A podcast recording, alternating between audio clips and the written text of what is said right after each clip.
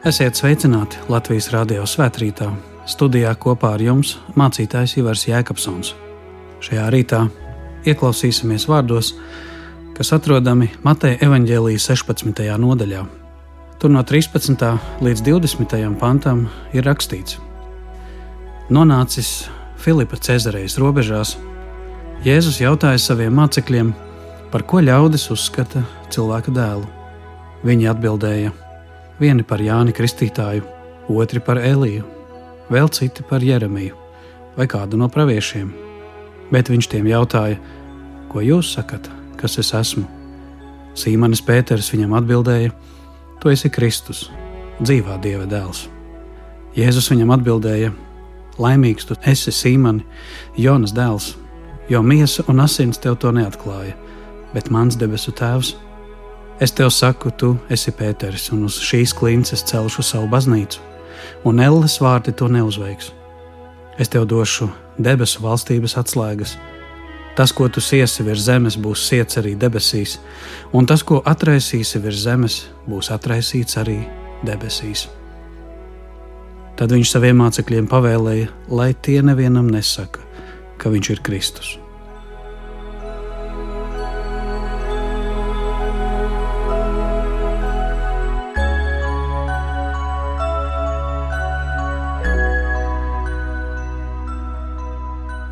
Mēs lūdzam tevi, Kungs, svētī mūs šī tava vārda patiesībā. Āmen!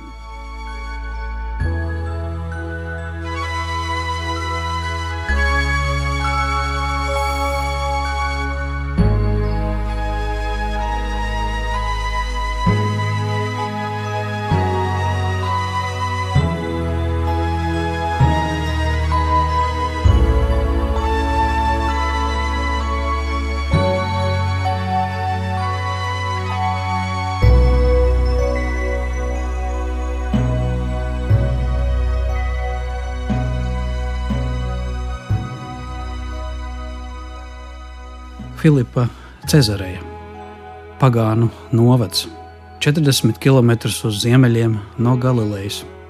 Tur prom no bauslības mācītāju acīm Jēzus jautāja savējiem: Ko jūs sakat, kas es esmu? Sīmanis Pēteris apliecināja: Tu esi Kristus, dzīvā Dieva dēls. Filipa Cezareja Tā ir vieta, kas vēsturiski bijusi kanāniešu dievu bāla godināšanas vieta. Tāpat šeit dieva kārtā ir godāts arī Romas Cēzars Augusts. Šis ir novads, kur pagānu kultūrā cilvēku saukt par kādas dievības dēlu nemaz nav tik neparasti. Bet tā taču ir saukts arī ķēniņš Dāvids Izraēla valstī, vecās derības laikā, kad tas kungs sacīja: Es būšu viņa tēvs un viņš būs mans dēls. Un tā ir saukta arī visa dieva izredzētā tauta Izraels. Kad Dievs uzrunāja Eģiptes faraonu, mans pirmdzimtais ir Izraels, un es tev saku, atlaid manu dēlu, lai viņš man kalpo. Tajā visā mēs dzirdam kādu simboliku par dievam pietuvinātām personām un ļaužu grupām. Tā visu citu tautu vidū Dievs savējos veda brīvībā kā bērnus un sagatavoja ceļu tam, kas ir visa šīs dievbijības iemiesojums, tam, kurš piedzimst šajā tautā, Dieva dēls Jēzus, kurā par Dieva bērniem ticībā taps visas tautas, arī tu un es. Tas ir Jēzus. Jēzus, kurš atšķirībā no ķēniņiem vai imperatoriem, kas iecelti dievu kārtā par praviešiem vai dažādām mītiskām personībām, kas ir tikai reprezentētāji vai vēsts nesēji no mūžīgā, te ir īstais, patiesais un dzīvais Dieva dēls. Kā sacīts no Svētā gara ieņemts un piedzimis no jaunavas Marijas, nevis dēls adoptēts vai padarīts par tādu dzīves laikā. Tā liecina apakstuļu ticības apliecība. Jēzus pats savā īpašās attiecībās ar Dievu raksturo sevi kā dēlu, kura tēvs ir Dievs debesīs. Viņš to neizsaka simboliski, bet burtiski. Viņš runājot ar Dievu, saka, mans tēvs. To uz sevi viņš attiecina arī, piemēram, līdzībā par ļaunajiem vīnkopiem, un debesu tēva balss viņa paša dzīves laikā īpaši ir skanējusi no debesīm, gan Jēzus paša kristībā, gan apskaidrošanas kalnā, ka šis ir mans mīļotais dēls. Netrūkst jau arī pagānu mītos un senatnē stāstu par dieva dēliem, kas dzīvo, mirst un pat augšām ceļas. Tie varbūt pat maz atšķiras no mūsdienu kino supervaroņiem, taču, lai cik mītisks šodien šķistu Jēzus, viņš ir īstais, dieva dēls, pasaules pestītājs. To apliecina Sīmanis Pēteris, kurš debesu tēva patiesības iedvesmots apliecina, tu esi Kristus. Un Jēzus viņam saka, laimīgs, jeb svētīgs, tu esi Sīmani, Jonas dēls, jo miesa un asinis to tev neatklāja, bet mans debesu tēvs. Šajā pagānu novadā, Filipa Cezarejā, jāsaka, vēlāk Pētera liecības iespaidā notika arī pirmā Bībelē aprakstītā pagānu atmoda, svētais gars nolaidās par klausītājiem pēc Pētera uzrunas. Tas notika līdzīgi kā tas bija vasaras svētkos, kad visi sāka tur runāt jaunās mēlēs. Tas pārsteidz jūdus, ka Jēzus vēsts skar ne tikai dieva izredzēto tautu, bet pārsniedz nacionālās robežas un kultūras. Viņš ir vēsts visai pasaulē, visām tautām. Te Filipa Cezarejā kāda pagānu ģimene, centurions Kornēlijs no itāļu kohortes, ar visu savu namu kļuva ticīgi un tika kristīti. Kā to liecina apakstuļu darbu grāmata, desmitā nodaļa. Mēs varam sacīt, kaut kas līdzīgs notika arī pie mums, Latvijas teritorijā kad 1739. gadā Hernhūtiešu kristīgās misijas un sadraudzības kustības darbības rezultātā svētais gars izlējas par latviešiem vidzemē. Tolaik tik smagajos zemnieku apspiestības laikos šī kristīgā vēsts bija tik svarīga, tik vajadzīga, lai atbrīvotu nospiestos. Un šī kristīgā vēsts sākās ar pavisam vienkāršu patiesību, ka Dievs mīl arī latviešus un Jēzus ir arī Latviju pestītājs. Vācu kristīgās kultūras vidē tā bija kā svaiga elpa. Brāļu draudzēji tālāk ir gara un bagāta vēsture Latvijā, kas būtiski tajā laikā veidojas arī latviešu tautas mentalitāte un tradīcijas, veidojas ieskaitot dziesmu svētku tradīciju un arī kapu svētkus mūsu zemē. Mūsu pirmais baznīcas vēsturnieks profesors Ludvigs Adamovičs šo kustību definēja kā latvisko kristietību un latviešu reformāciju. Arī profesors Gvido Straube apliecina, ka brāļu draudzes atmoda ir bijis viens būtisks, galvenais priekšnoteikums pat latviešu nācijas izveidē. Lūk, šī liecība, manuprāt, vēsturē stipri kontrastē ar šodien bieži kultivēto aizspriedumu pret kristietību un baznīcu, ka tā esot naidīga latvietībai. Te skaidri redzams, ka Kristus vārda labā vēsts ir aizsniegusi savulaik sirdi un atnesusi gaismu, dzīvību un cerību. Mūsu vidū arī šodien vēl ir dažādi viedokļi par Jēzu, bet visu šo varbūt distancēto viedokļu un aizspriedumu vidū Kā toreiz, tā šodien kādas pagānu tautas vidū stāv Sīmanis Pēters, kurš patiesa debesu spēka vadīts, liecina par savu pieredzi ar Jēzu, ka viņš ir Dieva dēls, dzīvā Dieva dēls, Kristus. Viņš, kam gribētu uzticēt savu sirdi, savu dzīvi, savu likteni. Ak, ja jūs ieklausītos viņa dzīves stāstā un viņa paša vārdos. Šeit Sīmanis un viņa ticība noenkurota debesu atklāsmē, tika nosaukta par klinti, ko arī nozīmē vārds Pēteris, tulkojumā klints. Uz šīs klints saka Jēzus, ka viņš grib celt savu draugu, ko Elles spēki nespēs uzveikt. Sīmanis vēlāk arī kļūs par vienu no draudzes garīgajiem līderiem, jeb tā sakot, balstiem, un uz šiem Jēzus vārdiem vēlāk tiks balstīta pat Romas pāvestu pēctecība, bet protestanti saskatot nepilnības cilvēcīgajā vadībā, kristietības vēsturē, te vairāk saskatīs lielo paša Kristus klints nozīmi, ticību uz viņu, baznīcas stūrakmens, debesu valstības atslēga, pats dzīvā dieva dēls, ticība viņam. Tas raksturo gan nepieciešamību baznīcā pēc izciliem svētajiem un līderiem, kas rodas no šīs ticības, un tas raksturo arī paša Kristus darbu mūsos un caur mums, kas atslēdz mums debesis. Līdzīgi kā varbūt triloģijā Gradzena pavēlnieks Tolkiens raksturo mazo hobitu Frodo, kuram bija lemts aiznest lielo ļauno gredzenu līdz pat nolemtības vulkāna liesmām, lai atbrīvotu pasauli. Viņš patiesībā nonāca tur pateicoties draugu atbalstam. Viņš patiesībā bija mazākais visu vidū, tomēr izdarīja vislielāko, visatbildīgāko darbu. Un vēlāk, jau pateicoties tieši Klintī, pateicoties saviem cīņu biedriem, viņš spēja arī atgriezties mājās. Un lūk, tur visu mutoļojošo vulkānu uguns straumju vidū ir klints, kur vienam hobitam patvērties. Tāda ir arī mūsu ticība uz Jēzu. Mēs, kas gan mēs esam, niecīgi skaidiņi pasaules vējos un spēkos, un tomēr mūsu liktenis sakņots Dievā, mūsu ticība ir tā, kas pārceļ kalnus un ļauj atgriezties mājās. Pēteris šeit jau apliecina, ka Jēzus ir Dieva dēls, un Jēzus pats mudina tomēr to vēl neizpaust pasaulē, līdz viņa darbs būs piepildīts, līdz pasaulē tiks dots izlīgums, glābšanas upuris pie krusta. Jā, tiešām nāks laiks, kad pēc augšām celšanās Jēzus jau pats teiks: neklusējiet, ejiet, lieciniet labo vēstu visai pasaulē, dariet par mācekļiem visas tautas. Un tas ir baznīcas pamat uzdevums šodien. Taču Sīmanim Pēterim līdz šai ticības liecībai pasaulē vēl jānoiet garš ceļš no atklāsmes par Jēzu, lai tas kļūtu par viņa pašu bagātību, nemainīgu un paliekošu.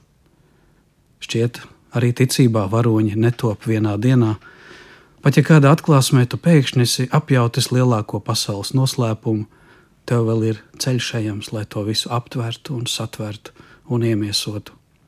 Pēteris pats šeit vēl nemaz neizskatās pēc laba draudzes gana vai laba celtniecības materiāla draudzēji. Drīzāk viņš ir kāds akmens, kas vēl pinas pa kājām, jo tūlīt jau rindkopu tālāk Mateja evaņģēlijā lasam, ka Sīmanis jau cenšas Jēzu aizkavēt, pieņemt glābšanas, ciešanu krustu pasaulē. Un vēlāk pat Kristus ciešanu laikā viņš pat griež muguru, noliedzot, ka Jēzu vispār pazīst. Taču, kad atskan trešie gaļi liktenīgajā naktī, tas aizdzen Pētera sirdī tumsu un liek viņam atgriezties grēku nožēlā un drīz kļūt par draudzes balstu, kurš vairs nevairās ne ciešanu, ne nāves Kristus dēļ. Tā Pēteris klints kļūst par svēto. Pirmajā Pētera vēstulē, otrajā nodaļā, viņš saka, ka tas nav tikai viņa stāsts, bet arī mūsu. Viņš saka, kārojiet tagad jūs kā pat labam piedzimuši bērni pēc garīgā tīrā piena, ka jūs augat un to pat izglābti. Ja esat baudījuši, ka tas kungs ir labs, un ejiet pie viņa kā pie dzīva akmens, kas gan cilvēku atmests, bet dievam izredzēts un dārgs, un uzceliet no sevis pašiem kā dzīviem akmeņiem garīgu namu un topiet par svētu priesteru saimi, nesot garīgus upurus, kas dievam patīkami caur Jēzu Kristu. Lūk, tā Pēters vēlāk savā vēstulē dod uzdevumu draudzēji, sabiedrībai, ticīgajiem, veidot stipras personības, un stipras personības sacementēt kopīgā ēkā tā, lai tas veidotu skaistu ticības un dievbijības arhitektūru, kultūru, baznīcas kultūru. Stiprās personības vēl tagad veido sabiedrību un ģimenes, bet pašas personības sakņojas stiprā ticībā, garīgumā. Citus veido tas, ko tu dari ar savu ticību, un mīlestību un vērtībām, bet pašu tevi veido tas, ko Dievs dara tevī, ko Dievs tev dāvina Kristū. Jēzus pats sacīja: Tas ir gudrs, kurš ceļ ēku uz stipra klints pamata. Lietus un plūdi to nesagraus. To, kas Dieva vārdus dzird un dara, kur lai ņem šādu bagātību, kur lai ņem šādu iedvesmu ikdienā, tad ņemsim dalību tajā, ko baznīca sauc par dievkalpojums, jeb oriģinālā liturģija. Tie ir divu vārdu saliktenis, liturģija, kas nozīmē litos un ergos, kas ir darbs ar akmeņiem. Tā ir celsme, garīga celtniecība, darbojoties ar dzīviem, ticības akmeņiem, ar katru savu sirdi, kurā dziļi ierakstīts dieva patiesības likums, kam jāuzplaukst dzīvē. Tā Sīmanis Pēters aicina strādāt pie sevis un kalpot citiem baznīcā un celt sabiedrību no stiprām, garīgām personībām, kā dzīviem akmeņiem. Tu un es ticībā, svēta priesteru saime, dieva bērni, dieva tauta Kristū. Kas esi tu, kā tu jūties visā šajā? Vai arī tu esi labs materiāls celšanai, balsts draudzē, ģimenei, tautai? Ja varbūt tu esi kāds klupšanas vai piedāvājības akmens, kas pretojas patiesībai un piesaka sevi ar skandāliem. Taču Pēters aicina augt ticībā, apliecināt savu ticību un iegūt šīs debesu valstības atslēgas. Visu izšķirt dzīvē, ne tikai tavs spēks, bet arī tas, kam tu tici. Novērtē savu vietu Dieva stāstā, savu lomu, nenoniecini un atceries, ka visu izšķirs tavs garīgais pamats tavas garīgās saknes, tavas ticības ankurs, ticības augļi un arī draugi līdzās.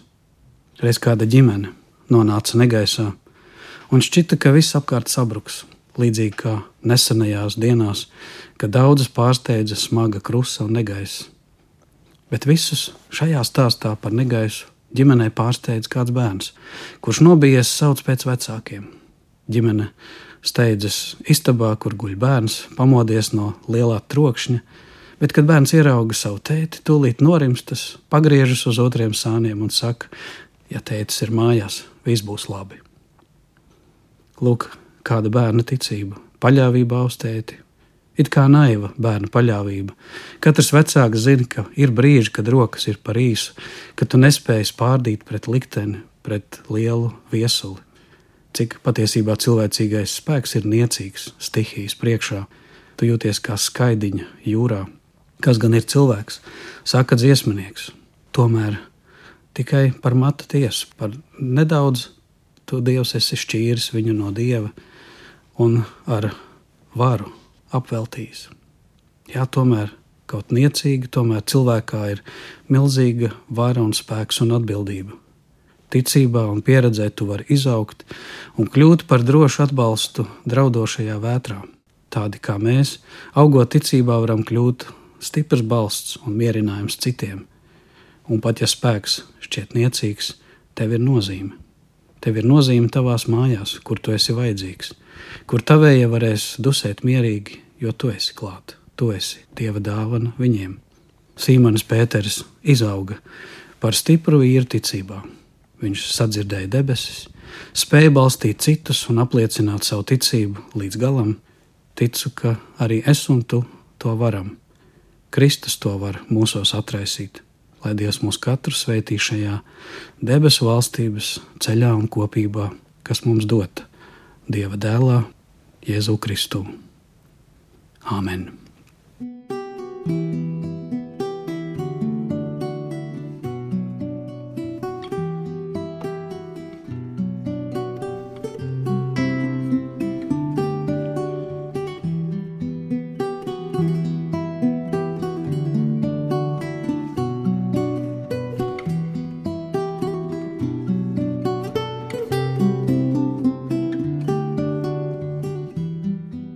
Lūksim Dievu ar kādas baznīcas dziesmas vārdiem, kurā ir sacīts: Klints, tu esi mūžīgā. Ļauj man tavā drošībā patvērties, kad vajā grēks. Tev vien viņa novērst spēks, tev kas nāvi salauza un pestīšanu atnesa. Klints, tu esi mūžīgā, debesu gaismas spožumā, ļauj, kad maldu ēnas māca, pagurst sirds un šaubās prāts, lai uz tevi raugās acis rādi ceļu, man, tu pats. Maz viens cilvēks darīt spēja, ticību man sirdī sēja. Nespēcīgs var spēcīgs kļūt, katra nasta viegla būt. Debesu gaismas spožumā, klints tu esi mūžīgā. Āmen!